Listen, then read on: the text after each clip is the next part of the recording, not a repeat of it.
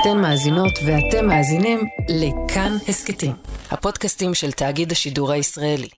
העולם כולו נגדנו, כך היה נהוג לומר פעם. כעת, אחרי הטבח של ארגון הטרור האכזרי, רבים בעולם דווקא בעדנו. אבל עדיין, על אף שברור מאוד מי הרעים בסיפור הזה, יש כאלה שמסרבים להבין, או לפחות לומר. ופעמים רבות אלו דווקא מי שבדרך כלל קולם הליברלי וההומני נשמע היטב. ובתווך יש גם אמירות מקוממות, כמו זאת של מזכ"ל האו"ם השבוע. הוא אמנם גינה את מעשי הטרור של חמאס ואת הרצח. Nothing can justify the deliberate killing, injuring and kidnapping of civilians or the launching of rockets against civilian targets. All hostages must be treated humanely and released immediately and without conditions. ועדיין. It is important to also recognize the attacks by Hamas did not happen in a vacuum. The Palestinian people have been subjected to 56 years of suffocating occupation. וזה מגיע מראש הגוף שהוקם אחרי מלחמת העולם השנייה ולקחי השואה.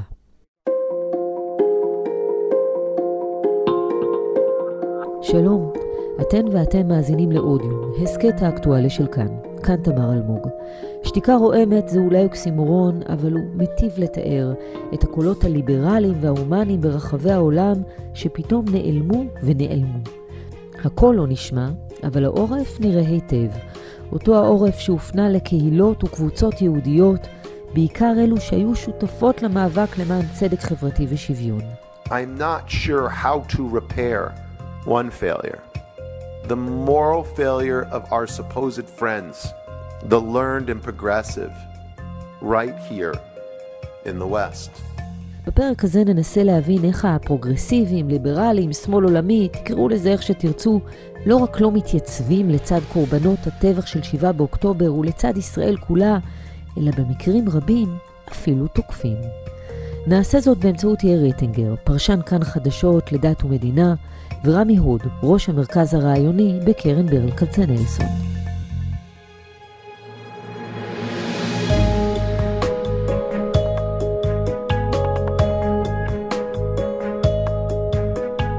יאיר רטינגר, שלום. שלום תמר אלמוג. מה קורה בימים אלו ביהדות ארצות הברית? גם כן ימים סוערים מאוד קורים ביהדות ארצות הברית, מכיוון שכאשר יש טלטלה, יש אה, אה, מלחמה כאן, במידה מסוימת יש גם מלחמה ביהדות התפוצות, וזה לא משנה אם זה אנשים שהם ציונים, לא ציונים, תומכי ישראל, אוהבי ישראל, לא אוהבי ישראל, כולם באיזשהו מקום נקלעים לאירוע הזה. והפעם יש דברים מעניינים, זה קורה תמיד, אבל הפעם יש כמה דברים מעניינים, ונגיד, הדבר הראשון אה, זה אנטישמיות. אנחנו רואים באופן פסיבי, יהודים אה, הולכים לבתי ספר, הולכים לבתי כנסת, יש אה, הבטחה כבדה.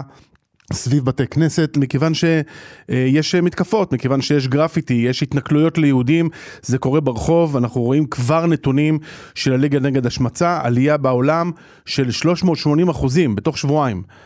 בעת הקריאות האנטישמיות. זה החלק האחד, וזה חלק חריף. קשה מאוד שאליו נקלעים היהודים. ויש את החלק השני, וזה החלק, נקרא לזה תודעתי. בחלק הזה היהודים משחקים איזשהו תפקיד, גם תפקיד יותר אקטיבי. מול הביקורת הקשה כלפי ישראל. ונגיד, הביקורת הזאת תמיד הייתה קיימת, אבל הפעם נראה שהיהודים לוקחים תפקיד הרבה יותר משמעותי, גם בתמיכה בישראל וגם באיזשהו מאבק ברוחות האלה, ברוחות האלה שנושבות במיוחד, במיוחד, תמר, בשמאל, בשמאל האמריקאי, מקום שבו היהודים תמיד הרגישו מאוד בבית, ועכשיו הם מרגישים נבגדים על ידו. אז בעצם ביהדות התפוצות מגלים שהבית שכרגע תיארת הוא ריק. הם מסתכלים ימינה, הם מסתכלים שמאלה, בעיקר שמאלה. הם מגלים שכל מי שהיו השותפים המסורתיים למאבק נגד גזענות ולמען שוויון ולמען צדק, לא שם. נכון, וצריך לזכור שהיהודים הם לגמרי חלק מהמחנה הדמוקרטי ליברלי, גם פרוגרסיבי בארצות הברית. ככה זה היה תמיד, יש מסורת כזאת. זה היהודים, אה, וזה אנשים שמרגישים מאוד בנוח במאבקים למען זכויות אדם, זכויות להט"בים, שוויון אה, מגדרי, גזעי וכיוצא באלה, ופתאום הם מגלים שהמאבקים האלה מופנים נגדם, מופנים נגד ישראל בוודאי, אבל אולי גם נגד הזהות שלהם.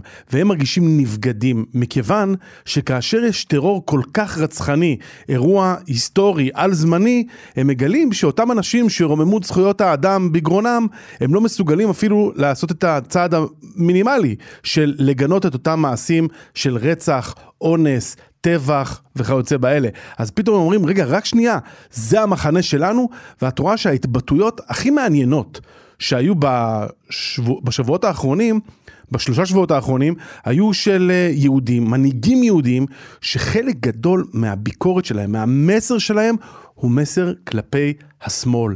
כלפי השמאל שנטש, כלפי השמאל שגילה את הצביעות שלו ביחס לדאגה שלו לחיי אדם, זכויות אדם. וזה גם מאוד מפתיע וזה גם מאוד מתסכל, כי פה בעניין הזה זה מאוד ברור מי הצודקים ובאיזה צד נמצאת האמת.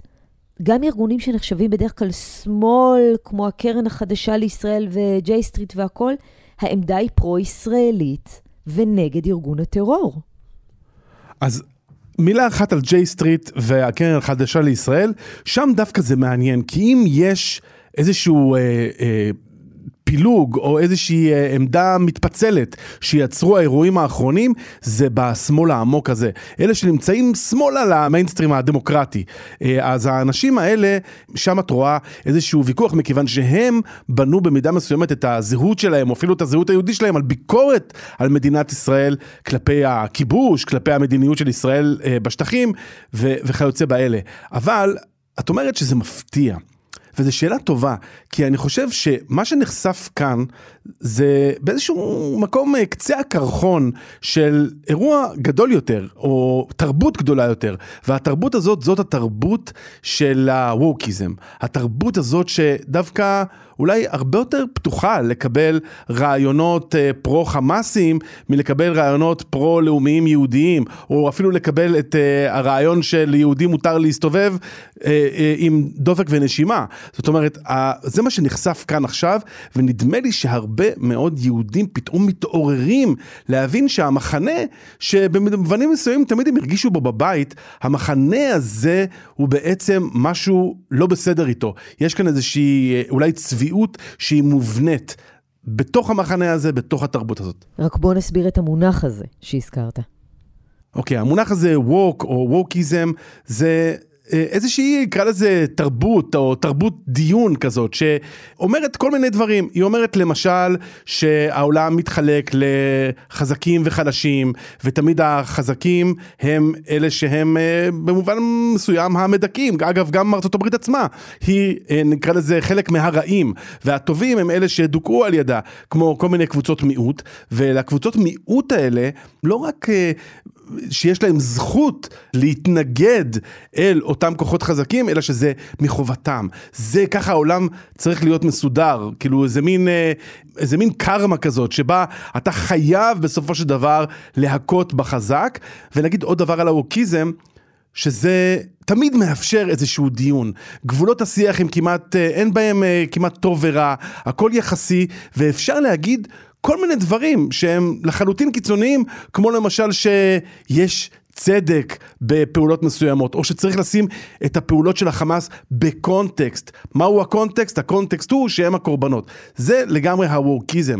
והדבר הזה לא מתחיל היום, הדבר הזה הוא סיפור של שנים רבות, והוא עובד חזק מאוד מאוד באקדמיה האמריקאית, בכל מיני חוגים לסוציולוגיה, אנתרופולוגיה, היסטוריה, ולכן אמרתי שזה קצה הקרחון, מכיוון שמה שנחשף עכשיו זה דברים שמדברים עליהם או ידועים כבר הרבה מאוד שנים, ואולי עכשיו, בפעם הראשונה, הרבה מאוד יהודים פתאום מרגישים שזה מופנה נגדם.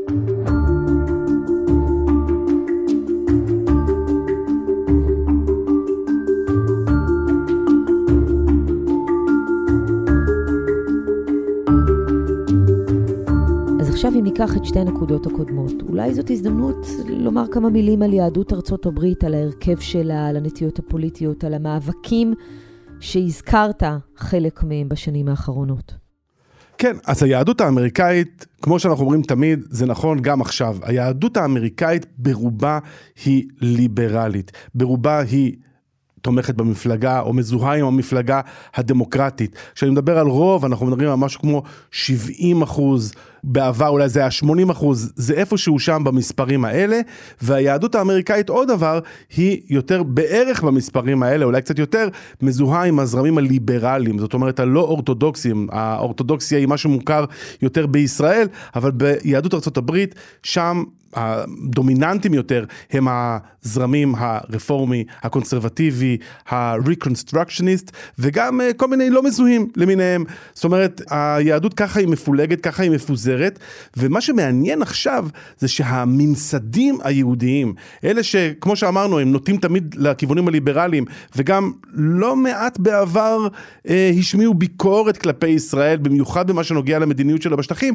כרגע הארגונים האלה, הממסדים האלה, הם כולם באופן כמעט גורף, חוץ מקבוצות שוליים שאולי ניגע בהם, הם כולם מאחורי ישראל, עומדים מאחורי ישראל, אפילו הייתי אומר חלק ממאמץ ההסברה של ישראל. אבל עוד הערה קטנה במה שנוגע להתפלגות, למבנה של הקהילה היהודית, אז צריך להגיד ש...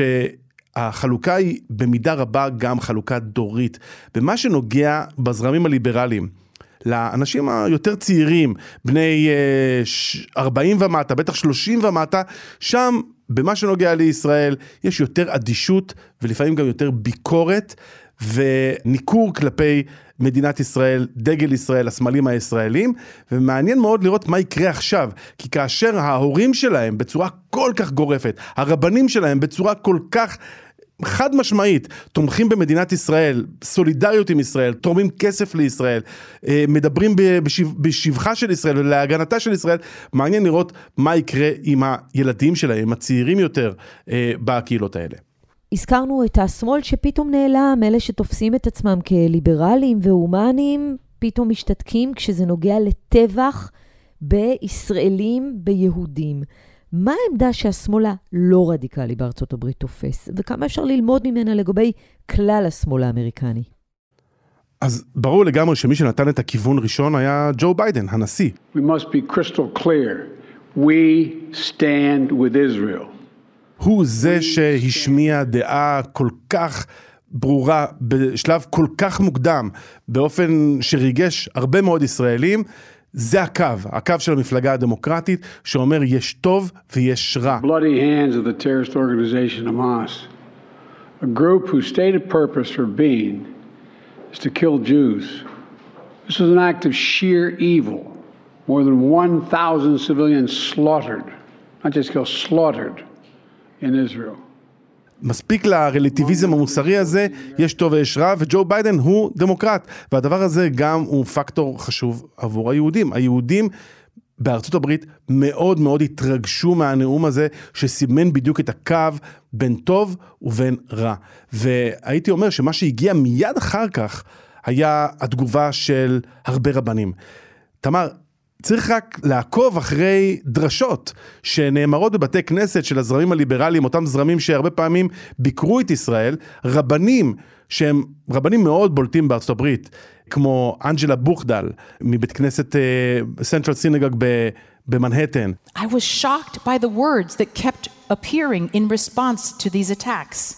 Words like resistance, decolonizing, or freedom fighters.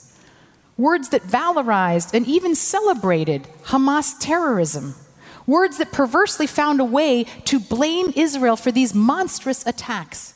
או הרבה שרון ברייס. There is no justification. There is no context that excuses the brutality and the terror that Hamas visited upon our people last Saturday. או ג'ונתן גרינבלט שהוא מנכ"ל הליגה נגד השמצה. Where are the other leaders? Where are our university presidents? Where are our communal partners? Where are our responsible journalists? What is going on? לראות איך האמירות שלהם כל כך כל כך משמעותיות, לא רק בעד ישראל, אלא גם נגד אותו מחנה, נגד אותו בית ליברלי, פרוגרסיבי, שהם ציפו ממנו לאמירות אחרות, להיות הרבה יותר חד משמעיים נגד רצח, נגד אונס, והם לא מצאו את הפרטנרים שלהם בבית הזה. אז האמירות אולי החשובות ביותר הם האמירות כלפי אותם אנשים שתוקפים כרגע את ישראל מתוך המחנה הזה. יאיר רטינגר, אז עד עכשיו דיברנו על התסכול, ועל זה שזה פשוט מרגיש כל כך לא פייר, שאנשים לא מבינים מי צודק ומי לא. בואו ננסה במשהו באופטימיות. יש לנו מה לעשות? יש מה לשנות? אז תראי, אולי אם נמצוא צד אחד של אופטימיות, אנחנו כל כך הרבה שנים, תמר, מדברים על המרחק שתופסות שתי הקהילות האלה בישראל ובארצות הברית. Uh, המרחק הזה הוא מרחק על רקע של המון דברים, על איך אנחנו תופסים uh, משפחה, על איך אנחנו תופסים מיהו יהודי, על, ה, על מתווה הכותל, את יודעת, כל מיני דברים עמדו בינינו. ופתאום רואים, אולי כמו שראו לאורך ההיסטוריה היהודית, שהיהודים חוטפים מכות מאוד חזקות, אז הרבה פעמים זה גם מגבש באיזשהו אופן את הזהות. והדבר הזה מגבש, כמו שאנחנו רואים שזה מגבש אנשים בישראל, הדבר הזה הוא גם מגבש את הזהות של הרבה יהודים בארצות הברית. וזה חשוב, כי הרבה יהודים בוחרים בשלב הזה לקחת תפקיד אקטיבי בהגנה על ישראל, בין אם זה בקמפוסים. ראינו שבאוניברסיטאות מסוימות אה, יש פרופסורים שפתאום מביעים עמדות ממש פרו-חמאסיות, וההנהלה... אה, מגיבה לזה באופן מאוד מאוד רפה, על פי רוח הווקיזם הזה, שאומר, רגע, רק שנייה, יש מקום לכל עמדה, ואז פתאום עכשיו היהודים, יש איזושהי תגובה שאומרת, רגע, רק שנייה, אולי אנחנו, שאנחנו תורמים להרווארד, תורמים לקורנל, אולי נפסיק עם זה, אולי נתרום את הכסף שלנו למקומות שמסוגלים לגנות את האמירות האלה. Now it will take time to reverse this trend. It's not going to happen overnight. And it will take work. It will take work. real work to remediate the, the sort of moral mold that's contaminated these institutions. והתפקיד האקטיבי הזה, הגיבוש הזה של הזהות היהודית גם סביב ישראל, גם סביב ישראל, ובמיוחד סביב הגנה על חיי יהודים, על החיים של בני ערובה. הסיפור של בני ערובה תופס מאוד חזק בארצות הברית, והסיבה לזה היא ברורה, ואולי זה אחת התוצאות הלא לא יודע אם מבורכות, אבל תוצאה שהיא טיפה בכל זאת בכיוון אחר, מעודדת ביחסים שבין שתי הקהילות היהודיות האלה. זה בצד האחד, בצד הטוב. בצד הרע, צריך לזכור שבמה שנוגע לקמפוסים, במה שנוגע לקמפוסים, יכול להיות שזה קצת מלחמה עבודה מראש. כי אם באמת הווקיזם, התודעה הזאת שאומרת, החמאס הוא החלש, והחמאס נאבק איזשהו מאבק גזעי בכוח הכובש והאפרטהייד שנקרא הישות הציונית, אז נדמה לי ששום הסברה לא תשפיע שם. ולכן צריך לזכור גם את זה, זה אולי בחלק הרע, אבל בחלק הטוב, רוב היהודים, רוב מוחץ של היהודים נמצאים בצד שלנו. יש כן קבוצות קטנות יהודיות שהן נמצאות בצד של אותם פרוגרסיבים, אותם אלה שרואים רק את ישראל כצד הרע, המרושע, ושם את רואה קבוצות שנקראות אה, If Not Now, Jewish Voice for Peace, זה קבוצות של שמאל רדיקלי פרוגרסיבי, שלעולם לא יהיה לצד ישראל.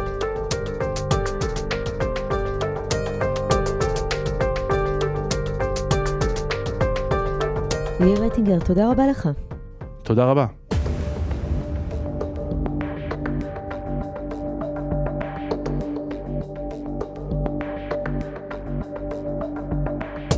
רמי הוד הוא קול בולט בשמאל הישראלי, השמאל הציוני.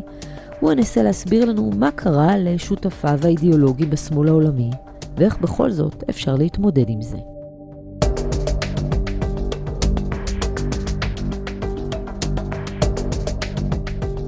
שלום רמי הוד. שלום תמר.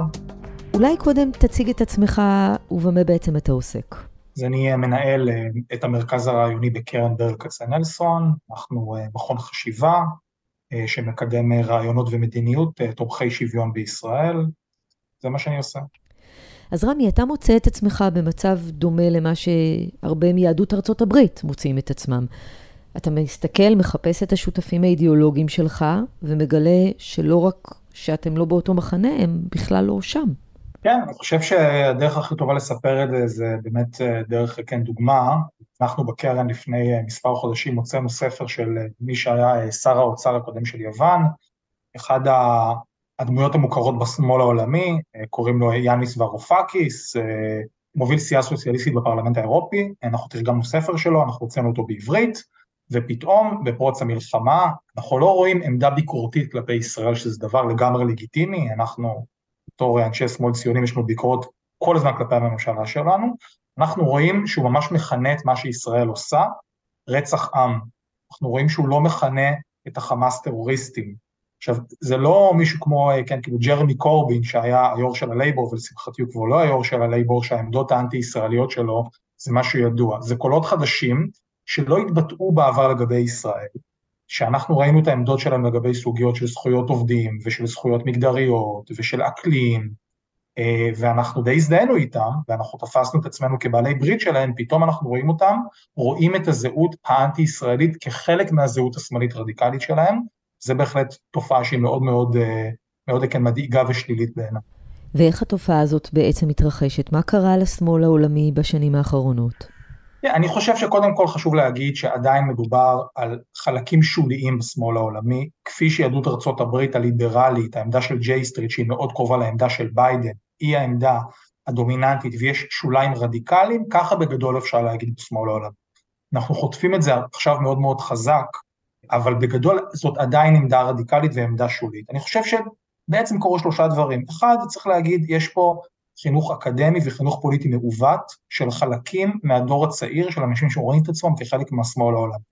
יש פה בעצם ניסיון לקחת כל מיני תבניות חשיבה אה, של יחסי כוח מסכסוכים אחרים בעולם ולעשות להם ממש שכן כאילו copy paste, כלומר היחס לישראל ולפלסטינים כמו לצרפתים באלג'יריה, אה, אנחנו הלבנים, הפלסטינים זה השחורים, למרות שיש גבול בינלאומי מוכר עם עזה, ולמרות שיש פה סכסוך בין שתי תנועות לאומיות ולא קולוניאליזם ולא שום דבר מהדברים האלה, חלק מהשמאל הרדיקלי בעולם לוקח את תבניות החשיבה שהוא מכיר ביחס לסכסוכים אחרים ופשוט עושה עליהם קופי פייסט ולכן לא מכנים את החמאס טרוריסטים אלא תנועת שחרור, זאת עמדה מטורפת, זאת עמדה שאי אפשר לסבול אותה, אבל חלק מהסיבות שהגענו לשם זה בגלל חינוך לקוי מבחינה אקדמית ופוליטית.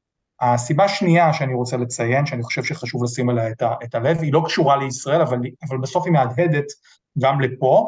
אנחנו רואים בעצם, מאז המשבר הכלכלי של 2008, אנחנו רואים בעצם התחזקות של מפלגות שוליים פופוליסטיות משמאל ומימין באירופה. זה לא קורה בגלל ישראל, זה קורה בגלל ההתנגדות להגירה ולאיחוד האירופי, אבל זה משליך על עמדות כלפי ישראל. כלומר, אם פעם, אם ניקח למשל מדינה כמו צרפת, המפלגה הסוציאל דמוקרטית ההיסטורית הייתה ביקורתית כלפי ישראל, אבל בפירוש היה אפשר לכנות אותה פרו-ישראלית במובן הזה שהיא תמכה בזכותה של ישראל להתקיים, בזכותה להילחם נגד טרור ובפתרון שתי המדינות, מדינה יהודית ודמוקרטית לצד מדינה פלסטינית. היום המנהיג של השמאל הצרפתי זה בחור בשם מלנשון, שהוא שמאלה מהמפלגה הסוציאל דמוקרטית הקלאסית, והוא חלק מהגל העכור האנטי-ישראלי שמסרב לכנות את חמאס ארגון טרור.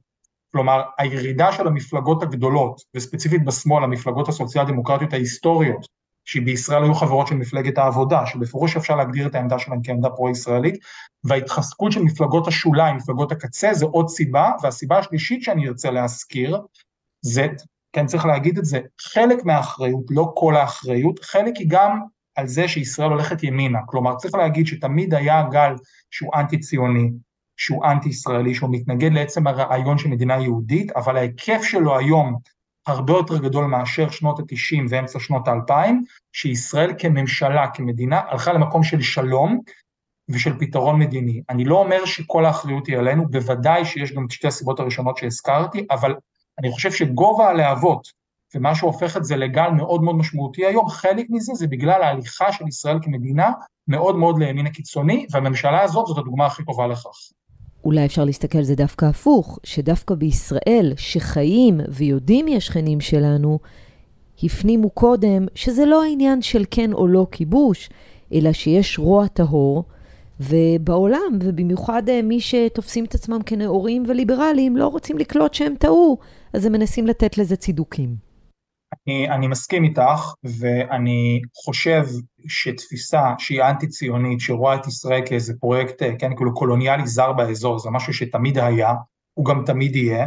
אני כן חושב שאם מסתכלים על הגמות ההיסטוריות, יש פה שינוי משמעותי. ו- ו- וכשישראל במדינה, כמו בתקופת רבין וברק וכמו בתקופת אולמרט, יש לה פרויקט שנקרא פרויקט השלום, וברור לגמרי שבתנאים מסוימים, עם הסדרי ביטחון ועם שמירה על הזהות היהודית, היא מוכנה גם לפנות שטחים. והיא מוכנה ללכת למקום של פשרות מדיניות, והיא חלק מהפרויקט הבינלאומי הליברלי, שצעיר יהודי אמריקאי או באירופה בגיל 23 יכול להזדהות איתה, אז תפיסה אנטי-ישראלית תמיד יהיה, אבל אני חושב שעוצמת הלהבות, והאם מדובר בכמה, כן, הפגנות שוליות, הן ממש כמו גל, כמו שאנחנו רואים היום, חלק מזה זה באחריות שלנו, וצריך להגיד עוד משהו, מבחינת יחסי החוץ של המדינה, אנחנו רואים למשל, כן, את שר התפוצות הנוכחי, שהתבטא נגד ג'ייסטר, כלומר, אם אנחנו תופסים כל ביקורת על המדיניות של ישראל כאנטי ציונות, כאנטישמיות, אנחנו לא ננצח את הגל הזה, אנחנו ננצח את הגל הזה, וזו נקודה שמאוד חשוב לי להבהיר, דרך שילוב ידיים עם כוחות ליברליים מארצות הברית ומאירופה, שהם כן מתנגדים למדיניות של ממשלות ישראל, אבל הם תומכים לחלוטין בזכותה של ישראל להילחם בטרור, תומכים בנו במלחמה הזאת, אם נדע לעבוד איתם לטווח הארוך, גם אם יש כאן ממשלות ימין, אם הם ידעו לחבק את אותם גורמים של שמאל ציוני בארצות הברית ובעולם, שזה עדיין רוב מוחלט של השמאל, אני חושב שאנחנו נוכל להיאבק בגל העכור הזה בצורה הרבה יותר אפקטיבית מאשר היום. יש בזה משהו מאוד מתסכל ודאי כשאתה נמצא בקשר עם גורמים שכאמור תפסת את עצמך עד היום חלק מהם, ופתאום הם לא רק נעלמים, אלא הם לוקחים את הצד של הרעים, ולפי מה שאתה מתאר, גם מערבבים בזה שיקולים שהם שיקולים זרים לחלוטין. אני, אני ממש כמה ימים אחרי פריצת המלחמה, אני הוזמנתי לשיחה עם מנהיגי עובדים ומנהיגי צדק חברתי, כן, מארצות הברית. אנשים שבימים כתיקונם הם מאוד ביקורתיים כלפי המדיניות של ישראל, ספציפית בשטחים, אבל הם בפירוש מגדירים את עצמם כפרו-ישראלים, כפי שאני פרו-ישראלי ואני ביקורתי כלפי המדיניות של ישראל. התמיכה הייתה ממש מקיר לקיר. היו שם 150 חבר'ה בעמדות בחירות בתוך הפוליטיקה האמריקאית, בתוך המפלגה הדמוקרטית, ההבנה שישראל חייבת להילחם צבאית בכוח רב בחמאס, הייתה עדה חד משמעית. מה הבעיה, תמר? שאצל הילדים שלהם, והם אמרו את זה בשיחה, העמדות הן הרבה פחות חד משמעיות. ו- ולכן אני אומר שזה גם בשליטה שלנו, ולכן אני אומר שהקשר עם אותם צעירים, ההשקעה בצעירים ליברליים בארצות הברית ובאירופה, זאת ההשקעה הכי חשובה מבחינת יחסי החוץ של ישראל לטווח הארוך, ובשנים האחרונות, מה, ש, מה שממשלות ישראל עשו זה הזניחו את הסגמנט הזה. אי אפשר לשים את יהבנו רק בשמרנים ורק בימין ורק בימין הקיצוני אפילו, ולזנוח לחלוטין את הדיאלוג עם הקבוצות האלה שהן ביקורתיות, ולצפות שכשיש מלחמה, כן, אז הם יהיו בצד שלנו. אז זה תמיד יהיו העמדות האלה, הם תמיד היו, אני כן חושב שאנחנו יכולים לעשות הרבה יותר כדי לקרב אותם לישראל ולגרום להם לאמץ עמדות ציוניות וליברליות.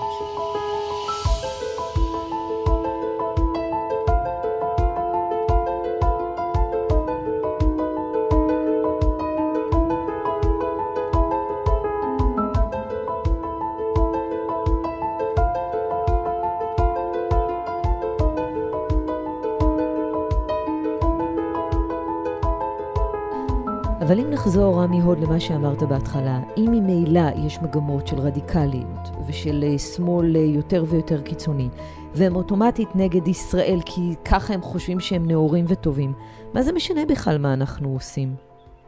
אני חושב שזה מאוד משנה, אה, מכיוון שכל סקר עמדות של כל מכון מחקר באירופה ובארצות הברית, מראה שהתזוזה של הדורות הצעירים בקרב הקהלים הליברליים והפרוגרסיביים לעבר עמדות יותר רדיקליות, זה תהליך שהלך והעמיק עם הזמן, ואי אפשר להתעלם, אי אפשר להתעלם מהקשר של, של, של המגמות האלה למה שישראל כמדינה מייצגת. שנות ה-90, אמצע שנות ה-2000, עד לפני שפר, שנים ספורות, שהעמדה הישראלית הרשמית הייתה, אחד, אנחנו מקיימים קשר עם הקבוצות הליברליות האלה, הן חשובות, שתיים, ישראל בתנאים מסוימים מוכנה ללכת לשלום, שלא היה פה שר, שר אוצר שמדבר על תוכנית ההכרעה שהמשמעות שלה זה גירוש פלסטינים, שהעמדה הרשמית של ממשלת ישראל לא הייתה סיפוח אלא שתי מדינות, ושהשרים של ממשלת ישראל לא באו מקרב הימין הקיצוני, אלא מקרב דורות יותר רחבות בחברה הישראלית. המגמות האלה היו קיימות, במובן הזה את צודקת במאה אחוז, שהן תמיד היו ותמיד יהיו,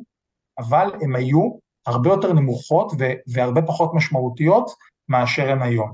לכן זה תמיד יהיה, אבל ההיקף שלהם קשור גם למדיניות של ישראל, יחד עם זאת חשוב לי להגיד, יש גם, אה, יש גם בשורות טובות, אנחנו יודעים, ש, אנחנו יודעים שג'רמי קורבין, שהיום אנחנו רואים אותו מסתובב בהפגנות, שאין לי דרך לתאר אותם, כן, אלא פרו-חמאסיות בלונדון, הוא יגיד שהוא לא בעד חמאס, אבל היום לקרוא להפסקת אש, שזה מה שהוא עושה, ולהטיל את רוב האחריות על ישראל, זה בעצם להגיד שהוא בסדר גמור, עם זה שעוטף עזה תהיה נקייה לחלוטין מישראלים, כי אנחנו יודעים שאם החמאס לא יחוסל או יקבל מכה קשה, רוב התושבים שם לא יעברו לשם. אז אנחנו יודעים שג'רמי קורבין עד לפני שנים ספורות היה, כן, יו"ר הלייבור, אנחנו יודעים שהוא הפך את הלייבור למפלגה הרבה יותר קיצונית ממה שהיא הייתה בעבר, אנחנו יודעים שעכשיו יש ללייבור מנהיג חדש והעמדות שלו נדחקו לשוליים, לכן זה נכון שיש מגמות מסוימות שהן יותר אנטי-ישראליות, אבל גם יש מגמות הפוכות. כמנהל המרכז הרעיוני בקרן ברל כצנלסון, מבחינתך, מבחינת הדרך שבה אתה פועל, חושב, הרעיונות שלך, יש שינוי בעקבות המתקפה האכזרית הזאת, בעקבות המלחמה? אני חושב שהקונספציות שקרסו, וצריך להגיד את זה בצורה ברורה, היו בעצם הקונספציות של הימין. אנחנו, בשמאל מרכז הציוני, אף פעם לא חשבנו שהאויבים שלנו הם פרו-ישראלים, ושהם ציונים, ושהטרור יפסיק, ושלא תהיה תמיד בעצם מוטיבציה להיות נגד ישראל ולהפעיל פעולות צבאיות נגד ישראל. העמדה שלנו הייתה, והיא עדיין העמדה שלנו, שצריך להכריע צבאית את חמאס, אבל לסמן גם יעד מדיני של הסדר אזורי כולל, שבתוכו יש את הפלסטינים, ותחת מטריה בינלאומית ללכת למהלך של חלוקת הארץ, כשיש רשות פלסטינית מאוחדת שתומכת, ש, שהיא זאת ששולטת בעזה ובגדה. העמדה של הימין שייצג אותה נתניהו מאז שובו לשלטון הייתה שצריך לחזק את חמאס כדי להימנע ממשא ומתן עם הרשות הפלסטינית. זאת הקונספציה שקרסה. זאת לא קונספציה משמאל ציוני שקרסה, שתמיד, אני מזכיר את המדיניות של רבין, של ברק, היו מאוד ניציים, אוקיי, מבחינה ביטחונית, כדי להגשים בסוף יעדים מדיניים, זה תמיד היה הקו, אוקיי, של בן גוריון, של רבין, של ברק אחרי זה, להיות אגרסיביים ביטחונית כדי להשיג בסוף יעדים מדיניים, אבל הקונספציה של נתניהו ושל הימין, בטח הימין הקיצוני, היה שאפשר לשלוט בגובה הלהבות מול חמאס, כדי להימנע מדיאלוג עם הרשות הפלסטינית. זאת הקונספציה שקרסה בשביעי לעשירי. גם היום אני מאוד מודאג מזה שהממשלה לא הגדירה את היעד המדיני שלה. יש הרבה מסמכים של מכוני מחקר בעולם שאנחנו בקשר איתם, יש הרבה עבודה בינלאומית שעובדת על מה צריך להיות היעד המדיני של המלחמה הזאת, שהיא מלחמה מוצדקת, ואנחנו לא שומעים מממשלת ישראל שום חזרה מהקונספציה הקודמת שלה, ושום אמירה שבסוף המלחמה הצודקת הזאת, יש פנים לסוג של משא ומתן מדיני, להסדר מדיני תחת מטריה של ביידן, וזה מאוד מאוד מדאיג אותי. כי קשה קצת לדמיין כרגע איך אה, נותנים בעצם עוד מקום ועוד אה, קרבה למי שחלק הפגינו אה, אכזריות כזאת והבהירו היטב שלא רק שהם לא רוצים אותנו כאן, הם לא רוצים אותנו בעולם הזה בכלל. אבל אני מניחה שעל כך עוד אה, ידברו רבות.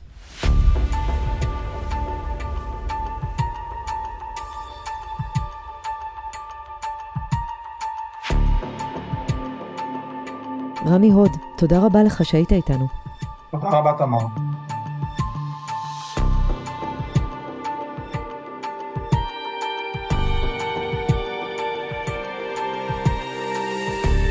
האזנתם והאזנתם לאודיו. העורך הוא דניאל אופיר. עיצוב קול ומיקס חן עוז. ביצוע טכני לריסה בלטר כץ ואמיר שמואלי. בצוות האורחים גם יותם רוזנבלד. פרקים חדשים של אודיו עולים בכל ראשון, שלישי וחמישי, ולכולם ולהסכתים נוספים מבית תאגיד השידור הישראלי אפשר להזין ביישומון כאן, באתר שלנו או בכל יישומון הסכתים. אותנו אפשר להשיג בקבוצת כאן הסכתים בפייסבוק וגם בחשבונות שלי בפייסבוק ובטוויטר. כאן תמר אלמוג, שנדע ימים טובים יותר.